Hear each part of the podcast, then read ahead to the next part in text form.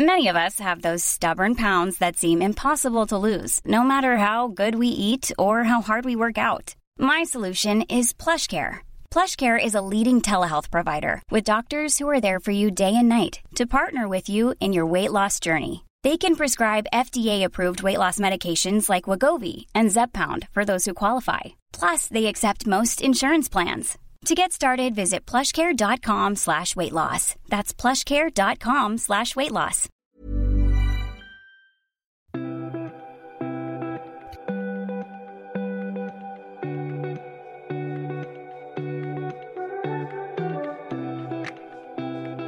Hjärtligt välkommen till Podcast Mallorca när vi ska ta med dig på två olika vandringsturer. Här i studion finns jag, Karina. Och här finns också jag, Carolina.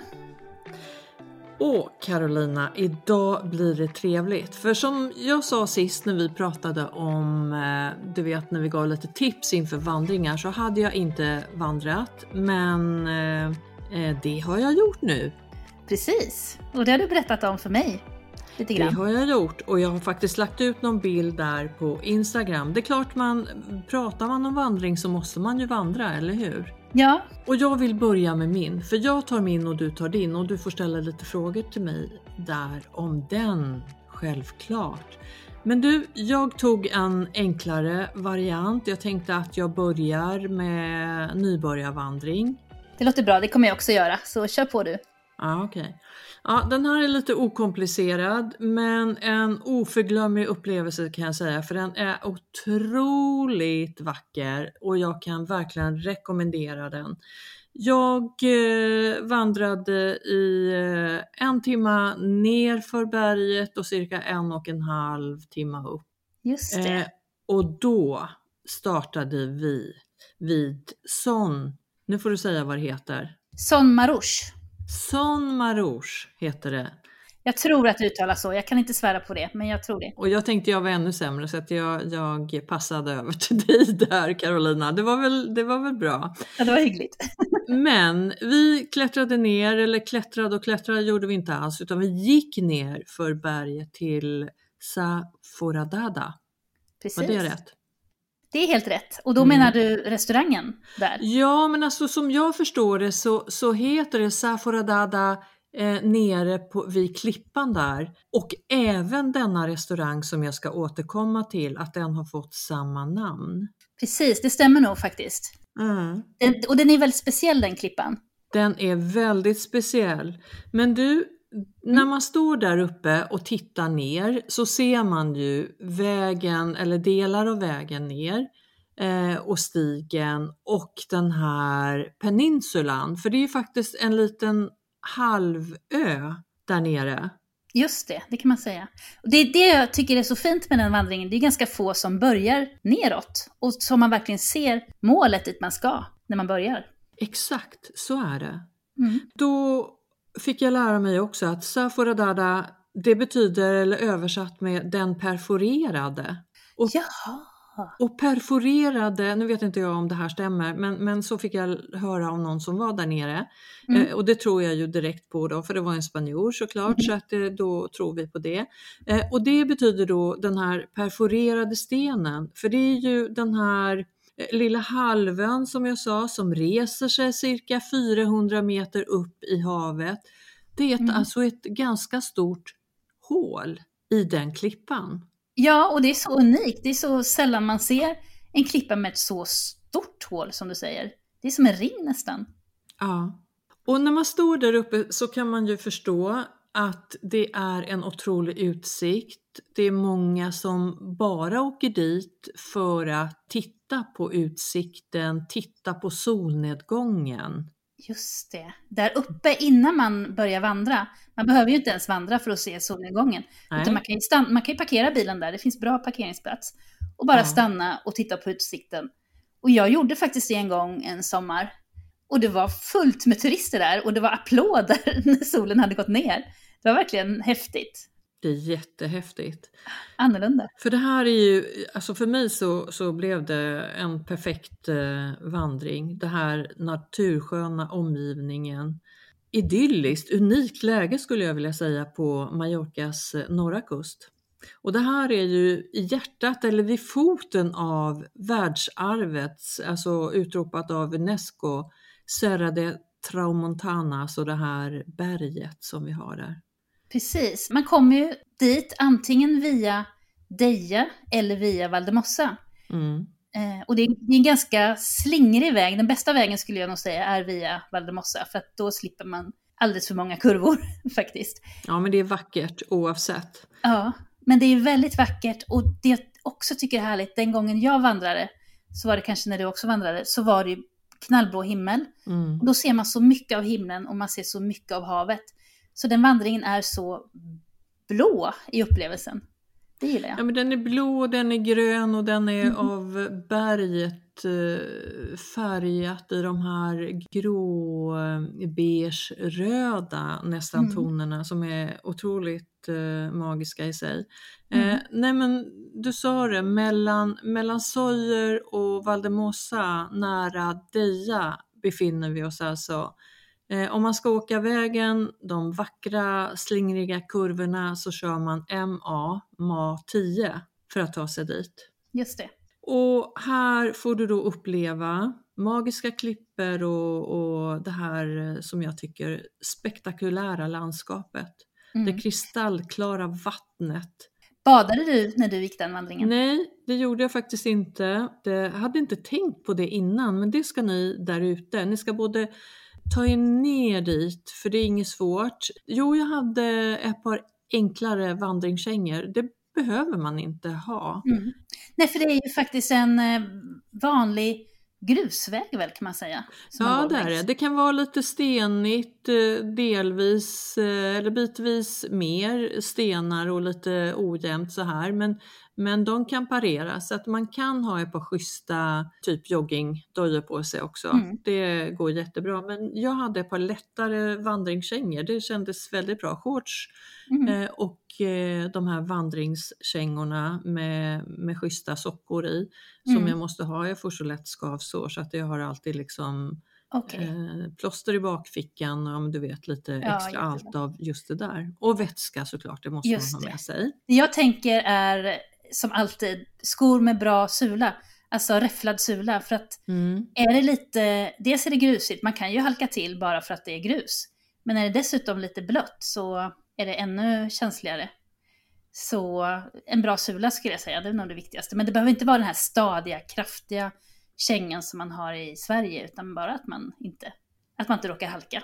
Ja precis, och det ska vara skönt för att det, det är ju ändå så att den här upplevelsen i sig ska inte kommas ihåg av skoskav Nej, eller obekväma skor, utan här Eh, nu sa jag att det tog eh, ja, det, eh, knappt en timme, det tog nog mer än en timme, men det var ju mer för att vi eh, kände och klämde på berg och olivträd och, mm. och eh, hälsade på jätter, bergsjätter och eh, allt runt omkring. Och verkligen tog oss tid och bara det var så underbara dofter också. Mm från alla de här olika träden som var ner.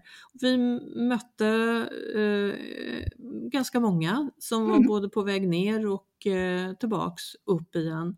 Så man kan, ta, man kan ju ta båda vägar, alltså ner och tillbaks igen.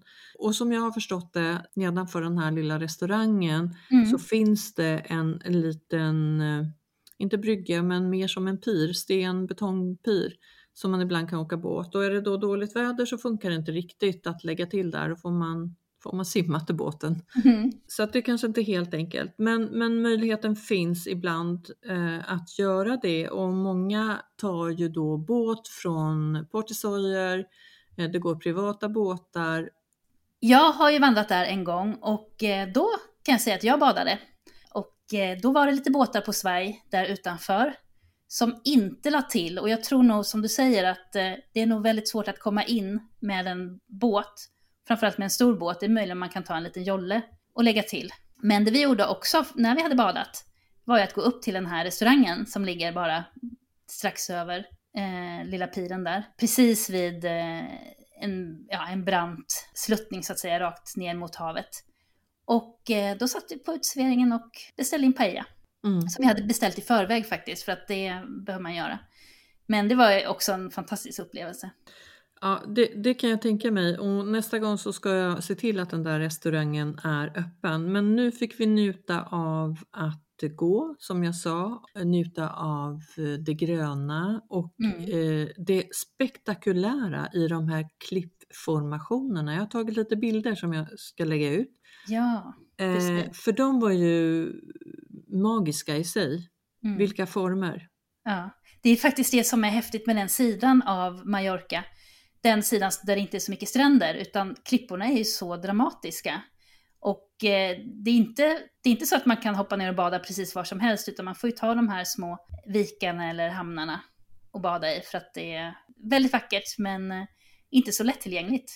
Och så tänker jag med de här bergen lite högre upp. Men det ändrar ju färg från det här gråa, lite gråaktiga längre ner till de mer eh, lite rödaktiga tonerna när man kommer mm. upp. Det är väl det som bildar de här eh, klippformationerna också på ett otroligt häftigt sätt, som små urgröpningar nästan i berget. Jag vet inte om det är det som är klippformationer, men ja, det bildar som, som ett eh, väldigt häftigt mönster. Och där stannade vi och tittade och fotograferade också eh, medan getterna sprang faktiskt runt benen på oss. Oj då, ja, de, ja. Det, det, blir tydligen fler och fler getter för varje sommar. Eh, och de som jobbar i närheten på hotell och så, de är ganska irriterade på dessa getter. Men eh, vi andra kan ju tycka att de är ganska söta. Ja men det tycker man ju, det blir en, en eh, väldigt speciell upplevelse. Eh, när vi inte har det problemet att de är störande på något vis, för det var de verkligen inte. Men eh, från att ha gått ner då, för oss, det tar ju som sagt, det beror ju på hur, hur snabbt du vill gå ner. Terrängen är inte så svår, det är inte så svårt att gå i den, det är mer att man vill stanna att uppleva saker. Mm. Och restaurangen som du beskrev, den ligger ju på den där klippan längst ner. Det, det såg ju mm. väldigt härligt ut och mm. eh, väldigt synd att den inte var öppen, för här fick vi reda på att de, de specialiserade sig på ris och paella som, som du sa, som är lagat över då öppen eld. Lokala fisk och skaldjur, lite sallader. Så var det säkert. Jag tror att mycket väl att en båt kan lägga till, en fiskebåt kan leverera direkt till restaurangen. Det är lite svårt för oss Carolina kanske här i podden att säga när och hur det är öppet men eh, när man tittar in på hemsidan så var det i alla fall april, oktober Eh, halv ett till 16 alla dagar utom torsdag då det är stängt. Och vi lägger med en länk som går till restaurangen som har samma namn som Klippan då, mm. eh, Saforadada, så får ni titta hur det kan vara öppet och anpassa er efter det. Eh, efter den tiden tycker jag man borde göra. Det tänker jag göra nästa gång eh, för att hitta det här lite bohemiska och ändå fräscha Eh, med majorkinska rätter och se ut över det här turkosa havet och berget ovanför. Och, ja, du fattar. Och bara ta in allt det här blåa. Ja. Faktiskt. Men sen så ska man som sagt, man ska ju orka ta sig upp också efteråt, men det kanske inte är så jobbigt. Man tar, man tar ett glas vin på restaurangen. Det gör man. Så blir det allt mycket trevligare och lättare. Det är inte så brant och långt, men det är trots allt uppåt mm. när man tar sig tillbaka till bilen. Ja men det är det, men jag tyckte inte att det var så svårt och jag är tämligen nybörjare som sagt så att jag tror att det här kommer att funka för de allra flesta att köra den här sträckan. Eh, lite längre tid uppför och ha med sig lite vatten, vätska på turen och glöm inte bort att eh, stanna återigen och njuta av den härliga utsikten runt er. Precis. Och när man kommer upp så ska man ju verkligen vända sig ut mot havet en sista gång och den här vackra klippan. För att det är en fin utsikt. Ja, väldigt, väldigt unik. Hela miljön som sagt är ju en del av världsarvet. Det tycker Precis. jag är, det är riktigt coolt. Precis. När vi ändå pratar om eh, var vi parkerar och vi pratar om Son Marois Eh, det här är ju en hel gård i sig, en ganska stor gård eh, och det är en alldeles egen historia runt omkring den. Men det jag skulle vilja berätta det är att eh, ni som har åkt den här MA10-vägen, ni har säkert sett det här vita templet som står där och där väldigt många gifter sig. Och vad jag har hört så ska det vara flest par i Europa. Jag vet inte hur man räknar det där riktigt, men eh, det låter i alla fall spännande Carolina och jag tycker när vi pratar om bröllop sen senare så får vi gå till botten med det här. Precis, och jag har faktiskt en bekant som arrangerar bröllop och dessutom är eh, vigselförrättare. Och jag tror att det är den platsen hon allra oftast viger sina par på. Ja, det är en vacker plats med berget bakom och havet åt alla håll framför. Det är ja, fint, fint. Ja, det var, det var min vandring och eh, jag kan säga att jag verkligen rekommenderar den. Eh, av många olika anledningar. Den är vacker, den är eh, ganska så lätt, det är en oförglömlig upplevelse. Okomplicerat på många sätt, det kräver inte så mycket utrustning. Vi har varit inne på det. Eh, mycket som, som händer, det här alla sinnen. Alla sinnena blir verkligen, verkligen eh, fyllda av energi. Du både ser och hör och doftar och eh, ja, på alla sätt kan njuta. Så den rekommenderar jag verkligen. Det låter härligt. Jag kan också lägga till en sak som är bra, för det är inte alla ledare som är sådana. Man går inte vilse, eller hur? Man, man vet vart man ska gå. Man så? går inte vilse. Det går inte att gå vilse, tror jag inte. Jag kunde inte Nej, jag kan inte se var man skulle kunna gå vilse. Nej, för det är en, det är en tydlig led som man går längs med som är lite av en grusväg som ja, man kan inte avvika därifrån. Och dessutom är det klippor överallt så det finns ingenstans att ta sig förutom längs med vägen. Ja, så är det. Ja, Carolina, nu är, det, nu är jag spänd på din eh, vandring. Det är också en lätt vandring som jag har valt nu. Och den är lätt på så vis att det inte är så mycket uppför och lätt att hitta, bra eh, stigar. Men den är väldigt lång.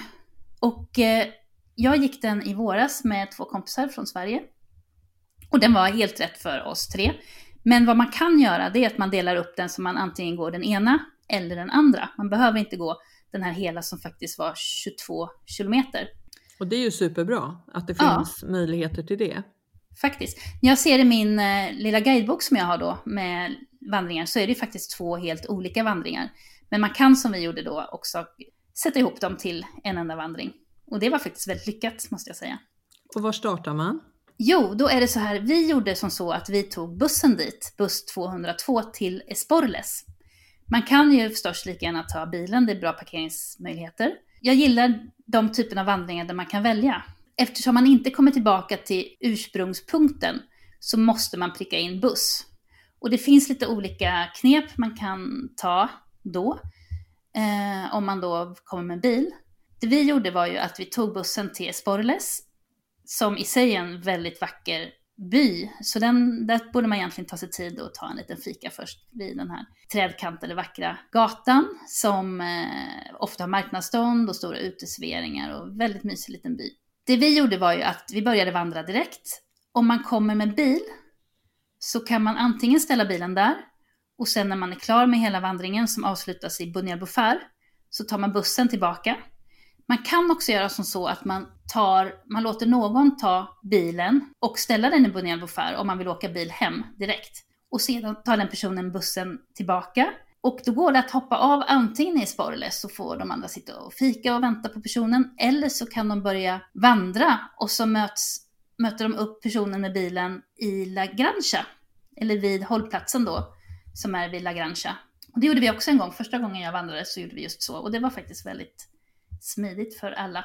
Och det var skönt att kunna åka bil hela vägen hem. Men det vi gjorde då, jag och mina två väninnor, var att vi började i Sporles. Eh, sen så går man fram till kyrkan som ligger vid Stora vägen. Och där är det välskyltat. När man väl kommer till kyrkan så är det en skylt uppåt en liten gata. Så följer man den gatan till slutet och där börjar själva leden. Och eh, då börjar det uppför och det ska man inte avskräckas av för att det är bara där det är som eh, brantast. Så när man väl har tagit den lilla biten nästan rakt uppför så är det en otroligt skön vandring. Och första anhalten är La Grancia. Vet du vad det är, La Grancia? Nej, men jag ser väldigt mycket fram emot att lära mig. Det är en herrgård från 1600-talet som är väldigt magnifik och framförallt har en magnifik eh, trädgård. Och den är byggd på en plats där araberna, som ju tidigt eh, styrde över Mallorca, de var ju här till 1200-talet. Och den platsen valdes ut av dem för att det var så mycket fukt och grönska. Det rinner alltså, det, den ligger i dalen mellan två höga berg, så att det rinner ner regnvatten. Så att det är alltid väldigt behagligt där. Och de leder också en väldigt gammal vattenledning går därifrån. Om det inte är in till Palma så är det i alla fall en bit in till Palma. Och den är en riktigt gammal vattenledning. Så det är en väldigt grönskande och lummig och nästan tropisk plats där den här La Granja ligger. Men det som gör det speciellt, det är ju att det har varit som ett friluftsmuseum i väldigt många år. Och det är många barnfamiljer som åkt dit. Och eh, då har man kunnat se hur marockinerna levde sitt liv eh, förr i tiden. Det är lite grann som ett Skansen kan man säga. Och jag har tyvärr själv inte varit inuti utan bara varit i trädgården och fikat och njutit av det utifrån. Men det ska verkligen vara en upplevelse. Men det sorgliga i detta är ju att för bara någon månad sedan så såldes hela La Granja, det är en privat ägo, till några som har tänkt sig bygga hotell, bygga om allting till ett lyxhotell. Som säkert skulle kunna bli helt fantastiskt. Men det jag läste nu inför den här podcasten är att nu har ajuntamentet velat stoppa det hela för att de vill eh, bevara det eh, som en kulturell plats. Det, det, de vill att det ska bevaras som det alltid har varit. Men vi får väl se, i och med att det är privat, alltid har varit i privat ägo, så får vi se vad de lyckas med. Ja, men det är ju många gårdar vi tänker på, för jag tror att du kommer att närma dig Bransons nya... Precis! Ja, San Banjola va? Precis. Eh, och där, precis, det blir också hotell och det kanske vi kommer tillbaks till sen. Men, men, eh, och då hoppas vi, för här, här eh, vet jag att eh, herr Branson, han mm. har ju eh, han har ju fått strikta regler om hur, vad han får göra och inte får göra. Eh, Precis, det, och han följer ju dem eh, följer med dem. glädje kan jag säga. Ja. Det är i alla fall vad man fått läsa i media, att han är verkligen mån om att allting ska Bevara. återställas och mm. bevaras, både eh, byggnaden som sådan och eh, fruktträdgården runt omkring. Just det, men så, men så är det nu, eh, där du var, men mm. inte ja, vi får hoppas att det bevaras på det sättet också. Men kan man, du fikade där och svensk fika det är ju mer än kaffe och så, men kan man äta lunch eller middag? Eh, jag tror det här är öppet dagtid och eh, det är ju någon enklare lunch som man kan äta i så fall. Jag minns inte exakt eh, just nu tyvärr. Och jag vet ju inte heller om det är öppet nu, för vad jag vet är att det stängdes i oktober just för att det skulle börjas byggas om. Då får vi se vad det blir där. man får enkelt. kolla upp det, om man, men det är alltid värt att gå dit och bara kika på det. Mm. Om det är öppet eller inte så är det vackert utifrån. Men vandringen, den går ju vidare nu. Och det som är speciellt med just den här vandringen, eh, för mellan La Grancia och Bunyal Bufar så går någonting som heter postleden, skulle man kunna översätta det till. Och det, den är en tusen år gammal led där posten färdades, eller där ja, postmännen färdades med brev till Bunyal Bufar. Och den är ju stenlagd och det är stenmurar och de har återställts så att de är fortfarande väldigt vackra. Eh, och det är verkligen historiens vingslag man känner när man går där för att den är sån, det är som sagt en tusen år gammal led som är likadan, som inte blivit asfalterad, som inte har förändrats, utan verkligen är likadan som då den byggdes. Och det fina med den här också tycker jag är att den går genom steneksskogar. Och stenek är ju väldigt vackra träd tycker jag. De är låga och de har de här taggiga, ganska kraftiga bladen. Och sen så är det så att stammarna är väldigt kraftiga. Det är väldigt bra ved om man ska elda. Så att det är därför det har varit så uppskattat genom århundraden. För den har använts till eh, vedeldning helt enkelt. Eh, väldigt bra kvalitet på det träet som jag har förstått. Men det är också väldigt vacker skog att gå igenom och det är skönt om det är väldigt varmt. Så kan det faktiskt vara ganska skönt att gå igenom skuggig skog. Eh, men det vackraste med just den här leden, det är ju när man kommer fram, när man kommer ut i skogen och ser havet och klipporna och eh, terrasseringarna med vinodlingar och Banyal Bufar nedanför sina fötter. Det är en helt fantastisk eh, vy som man når när man äntligen kommer fram. Carolina, hur länge går det i den där härliga skogen innan du kommer fram till eh, den här havsutsikten? Den var faktiskt längre än vad jag mindes det som, men jag tror det beror lite på vilken, eh, hur snabbt och så man går. Men det är mellan två och tre timmar faktiskt. Och eh, då är det hela vägen från Esporles vi pratar om och fram till Banyal Bufar. Och den är 9 kilometer lång, så det beror kanske lite på hur man själv eh, har för hastighet när man vandrar. Och det vi gjorde då var ju att vi fortsatte när vi kom fram till Banyal Bufar. Vi tog inte stopp där, vi faktiskt fikade inte ens en gång och det kan man ju absolut göra. Eh, jag har inte ätit så mycket där mer än på en restaurang som heter Bella Vista. Och det härliga med den och med egentligen alla hus som ligger där är ju att det har, jag tror att varenda hus har en helt fantastisk utsikt över havet. Och då är vi alltså på den nordvästra kusten? Precis, det är Tramontana vi pratar om. Mm. Fortfarande, precis samma skyddade eh, bergskedja. Och eh, Bella Vista har ju då en stor terrass mot havet. Det var ingen speciell mat, men det var ju verkligen en upplevelse bara att sitta där och njuta. Och jag tror det är så med ganska många av eh, de restaurangerna som finns där. Något som jag tycker också är lite speciellt med Banja Buffar är att allting är bevarat. Det är nog den by på hela Mallorca som har hårdast regler vad gäller att eh, få licens för att bygga någonting. Eh, så att hela byn är, ser ut som den har gjort. Och det finns ett hotell där som heter Marivent. Och när man kliver in i det hotellet så är det en väldigt trevlig man som driver det. Han gör det i femte generationen. Och jag skulle tro att inredningen är exakt likadan som hans eh, farföräldrar. Eh, samma möblemang som de hade. Eh, de ändrar inte så mycket på den här, i den här byn, de låter det vara som det har varit. Och vad härligt i sig. Ja, det var, inte, alltså, det var ingen lyxinredning men det hade sin charm kan man säga. Ja men det är ju som det här gamla talar till en på något sätt när, när man eh, har fått låta det vara. Mm. Ja. Det jag har förstått är att det enda, de enda nya bebyggelser som finns är strax utanför byn och de tillkom på 50-talet när de brittiska turisterna kom dit. Eh, så det är det nyaste som finns i Banyal Så att, att Richard Branson fick licens för att bygga om eh, Son Bunyola till hotell, det är, kan man säga är, är rätt fantastiskt, rätt unikt. Och jag vet att han kämpade i många år innan han fick tillstånd. Ja men du, det här kommer ju bli världens bästa ekohotell säger, säger många och vissa kommer väl kanske inte gilla alls att man bygger om någonting men vi var inne på det förut. Han, han, fick, ju, han, han fick ju till slut rätt att bygga om det här eh, stora byggnaden då som är, mm. går tillbaks eh, ja, så långt som till 1500-talet faktiskt. Om jag okay. förstår det hela rätt. Ja. Och jag kan tänka mig att det nog var att, att det var verkligen stort behov av renovering, att det var obebott. Ja, och nu lägger han mycket kärlek så det blir ett kärleksfullt renoverat ekohotell. Mm. Eh, får vi se om det blir eh, ja, det bästa mm. i världen eller på Mallorca. Det öppnar i sommar. Det öppnar i sommar. Det öppnar... Eh, jag försökte att hitta lite information och då står det att det skulle öppna juni 2023. Får se om de hinner klart tills mm. dess. Mm. Och 28, eh, 28 rum. Luxury bedrooms. Ja, jag tror det här blir ett av de allra lyxigaste hotellen på hela Mallorca faktiskt.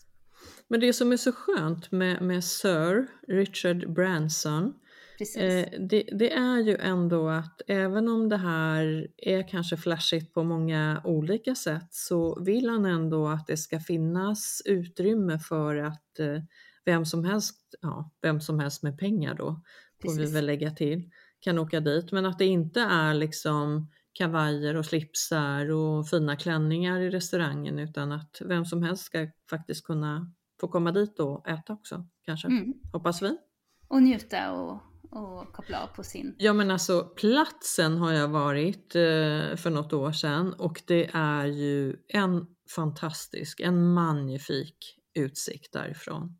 Det ligger så vackert. Mm. Och man ser det när man vandrar vidare då, från eh, Bunya Bufar till Porte Canonge, som jag hade tänkt berätta om, och där vi vandrade. Man, man ser det ganska tydligt vid en eh, punkt, så att man förstår också att hotellet borde ju ha havsutsikt, även om det ligger en liten, liten bit inåt landet.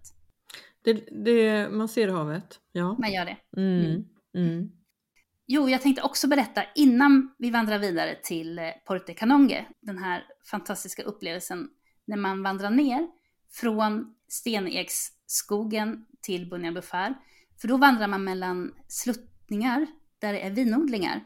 Och det är inte vilka vinodlingar som helst, utan det är en druva som heter Malvasia-druvan. Och den har odlats under väldigt lång tid, för den är anpassad till klimatet just där, till de salta salta havet och vindarna som är där och den varma torra solen. Det är en väldigt söt druva, en vit druva, väldigt aromatisk druva. Och eh, det intressanta med den är att den var borta i hundra år. Den var försvunnen. För att Mallorca drabbades av eh, virus, precis som Frankrike gjorde tidigare, några år innan, i slutet på 1800-talet. Så att i stort sett allting dog ut, alla odlingarna försvann innan man kunde börja om på nytt. Eh, och Malvasia-druvan hittade man inte förrän hundra år senare. Och då hittade man den på en gård, jag tror det var en överväxtgård där det eh, var mycket ogräs och blandad växtlighet. Och där hittade man druvan och nu så odlas den runt hela Bunyal vad häftigt att man ja. kunde hit, hitta tillbaks dit. Ja, det är verkligen en historisk eh, händelse i, i vinvärlden här och det är bara här den, den odlas, inte någon annanstans. Och jag smakade det här vinet, för det var faktiskt en gång när jag vandrade den här leden tillsammans med en grupp. Och det var eh, en vinvandring faktiskt. Och då hade gruppledaren bokat in en av, det finns tre stycken eh, vingårdar i Bunyal Bufar. Och en heter Son Vives. Och då hade han bokat in oss där och vi fick eh, ha vinprovning och vi fick äta små fina tilltugg. Och det var en fantastisk upplevelse. Men om ni ska boka den så måste ni vara noggranna. Därför att eh, det är bara öppet juli, augusti tror jag. Och bara på lördagar. Eh, det är som familje, familjevingård. Den som håller i vinprovningen är dottern i familjen. Hon som kan lite engelska. Och det krävs också att man är en ganska stor grupp. Eh, ni kan gå in på hemsidan och kolla vad som är minimiantalet. Så man kan tyvärr inte bara slinka in två stycken på en vinprovning där. Utan man får eh, tänka till och eh, verkligen gör en bokning. Gillade du vinet? Det är, lite, det är lite annorlunda just för att det är en ganska söt druva. Så det kanske inte är ett matvin. Till rätt mat kanske. Mm.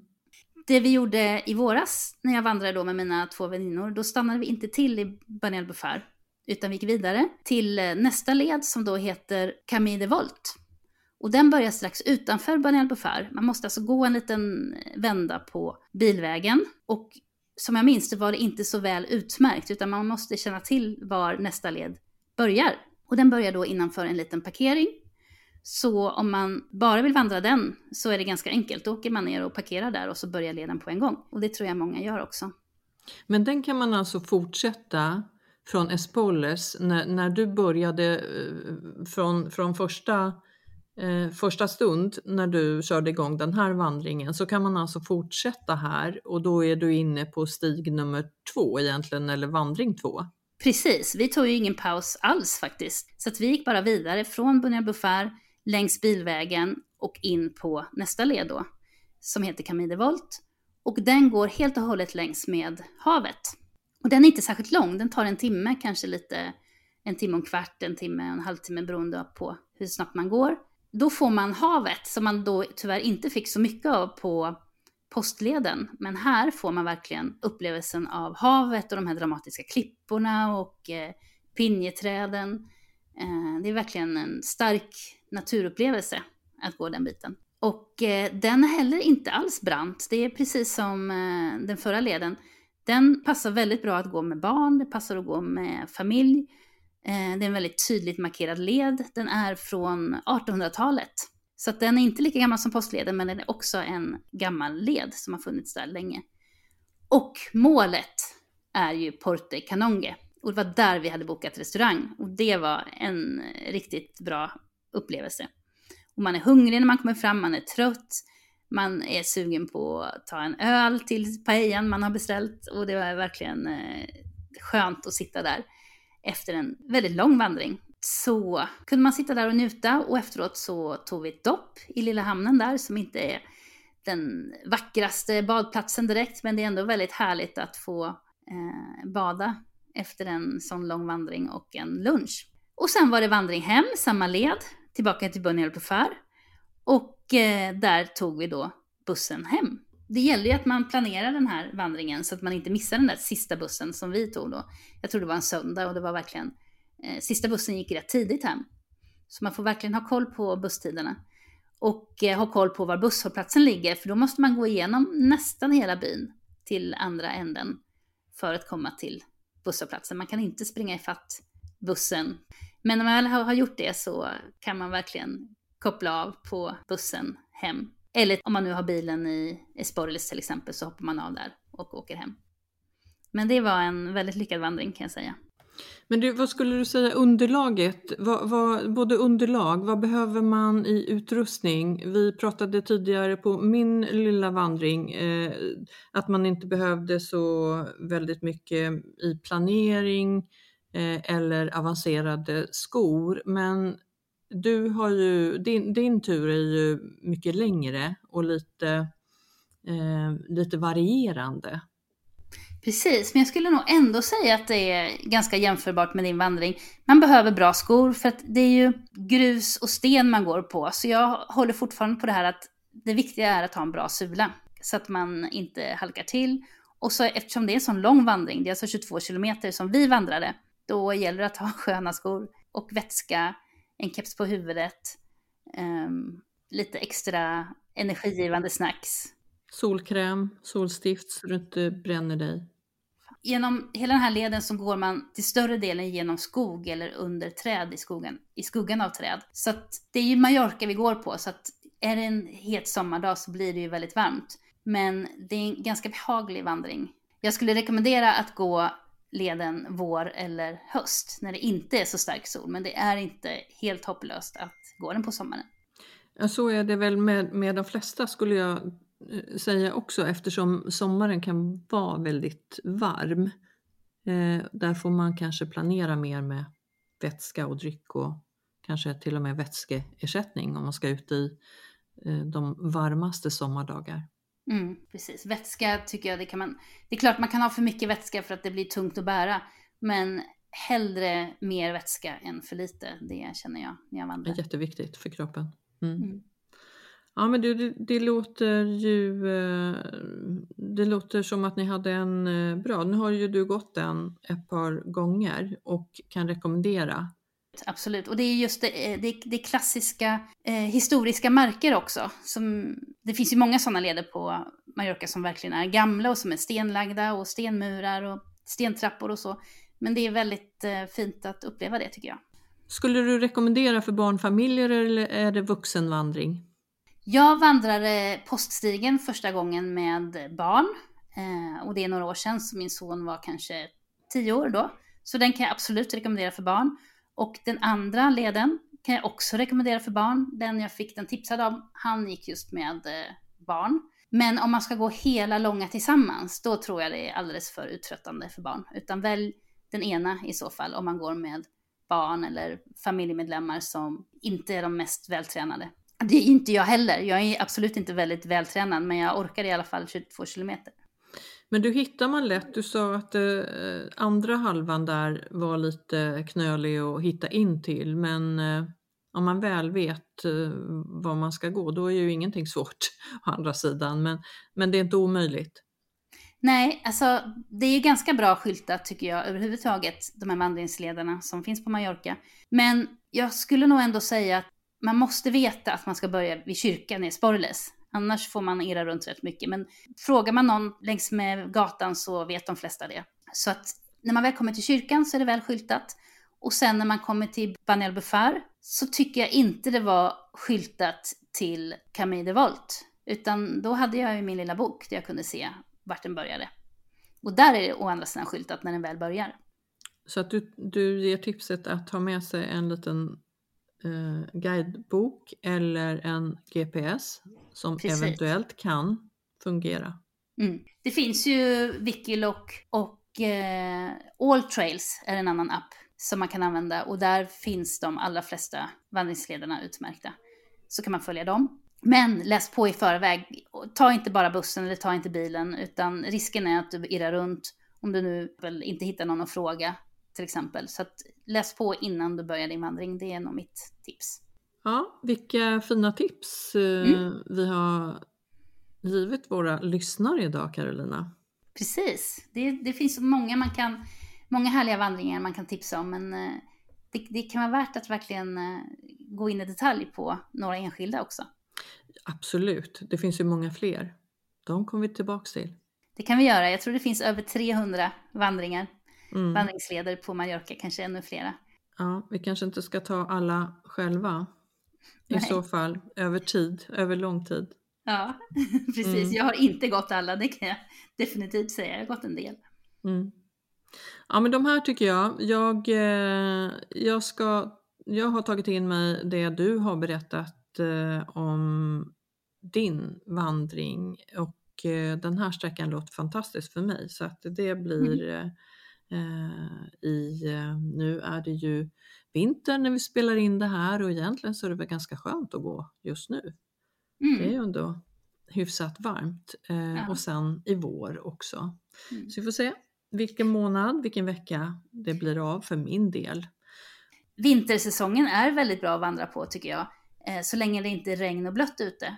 Men eh, man säger ofta att vandringssäsongen börjar i januari-februari när mandelträden börjar blomma. Men jag tycker absolut man kan vandra på vintern, bara man har koll på vädret. Bra där. Tack för dina tips Carolina. Tack för ditt tips. Mm. Ja, jag rekommenderar den vandringen för nybörjare och alla er andra. Det går inte att gå fel.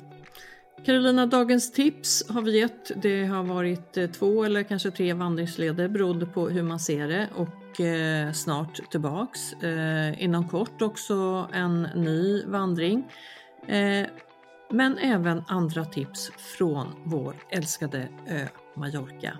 Så stay tuned och eh, följ oss på Instagram, podcast Mallorca.